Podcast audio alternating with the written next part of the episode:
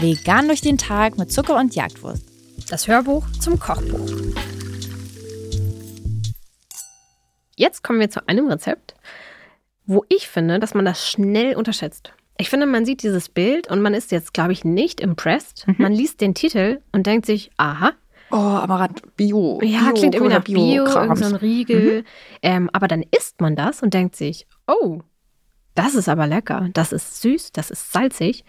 Das ist ähm, nichts, was irgendwie übelst schwer im Magen liegt. Und es ist vor allem ein Rezept, was extrem einfach zuzubereiten ist.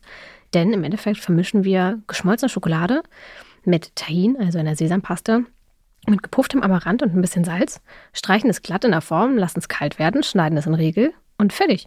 Also es ist wirklich sehr simpel ähm, und es ist wirklich so lecker. Es sind eine meiner allerliebsten Riegel, ähm, obwohl man, glaube ich, jetzt nicht das sieht oder hört und denkt, das ist ja absolut krank, das muss ich probieren. Es wirkt basic und vielleicht ein bisschen lame, aber es ist wirklich sehr lecker. Auf jeden Fall, aber ich liebe ja auch Sesam als Geschmack. Und da ist ja halb, halb Schokolade und auch Zartbitterschokolade, die ja auch zu meinen Favoriten gehört, mit Sesam. Also was soll da schiefgehen? Und wie du schon sagst, das ist wirklich, ähm, dadurch, dass wir auch gepufften Amaranth benutzen, das ist ein sehr leichter Snack. Ja, auf jeden Fall. Wenn ihr euch jetzt fragt, gepuffter Amaranth, hä? Amaranth ist ja ein Pseudogetreide, also das ist kein richtiges Getreide.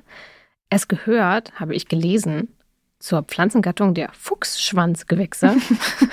und mit diesem Begriff hätte ich Amaranth auf gar keinen Fall in Zusammenhang gebracht. Ähm, aber ja, es ist ein Pseudogetreide und im Endeffekt sind es Samen und die werden gepufft wie Popcorn. Also im Endeffekt könnt ihr das sogar tatsächlich zu Hause machen, gepufften Amaranth, indem ihr eure Samen, eure, euren nicht gepufften Amaranth nehmt, in den Topf mit Öl werft und die dann puffen lasst wie Popcorn.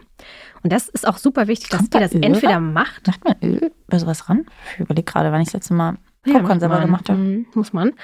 Und das könnt ihr entweder zu Hause machen oder ihr kauft einfach gepufften Amaranth, natürlich tausendmal einfacher. Aber achtet wirklich darauf, dass ihr gepufften Amaranth kauft und nicht nicht gepufften Amaranth.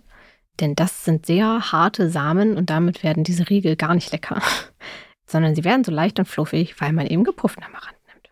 Kann man auch übrigens, wenn ihr da eine Packung gekauft habt und ihr habt viel davon noch übrig, könnt ihr auch ganz toll ähm, zum Beispiel morgens in euer Müsli dazugeben oder ähm, zu eurer Joghurtbowl oder ne, das kann man immer mal wieder irgendwo drüber streuen oder über einen Salat streuen, über eine Suppe streuen. Das werdet ihr los.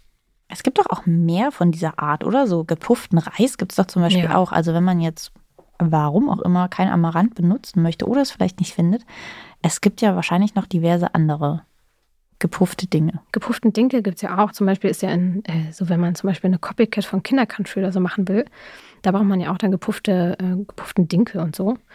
Also ihr könnt mal in die ähm, Abteilung gehen. Oft findet man sowas im Biomarkt. Es gibt viele gepuffte Sachen, das glaubt man gar nicht. Ich dachte, wir das Wort sagen, das ist so weirder, mhm. finde ich. Ja, absolut.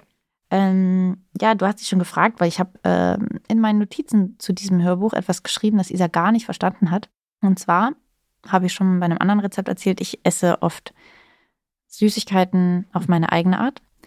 Und so ein Riegel würde ich nie einfach so beißen und ein großes Stück davon essen, sondern ich würde die immer sowieso abschaben mit meinen Das klingt ein bisschen komisch. Vor allem denke ich die ganze Zeit an diese Videos, die man aus dem Internet kennt, wo Sachen ganz falsch gemacht werden. Also wo zum Beispiel ein Kuchenstück oh, oh. ganz weird abgeschnitten wird und man sich so denkt, bitte triff doch einfach mit dem Messer die Mitte vom Kuchen und schneid dann einfach gerade runter.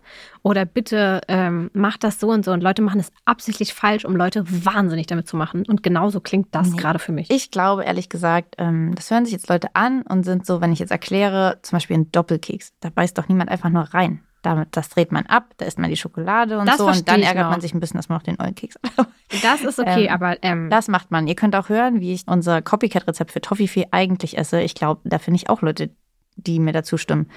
Vegane Milchschnitte beißt doch niemand ab. Da macht man doch auch erst oben die ein.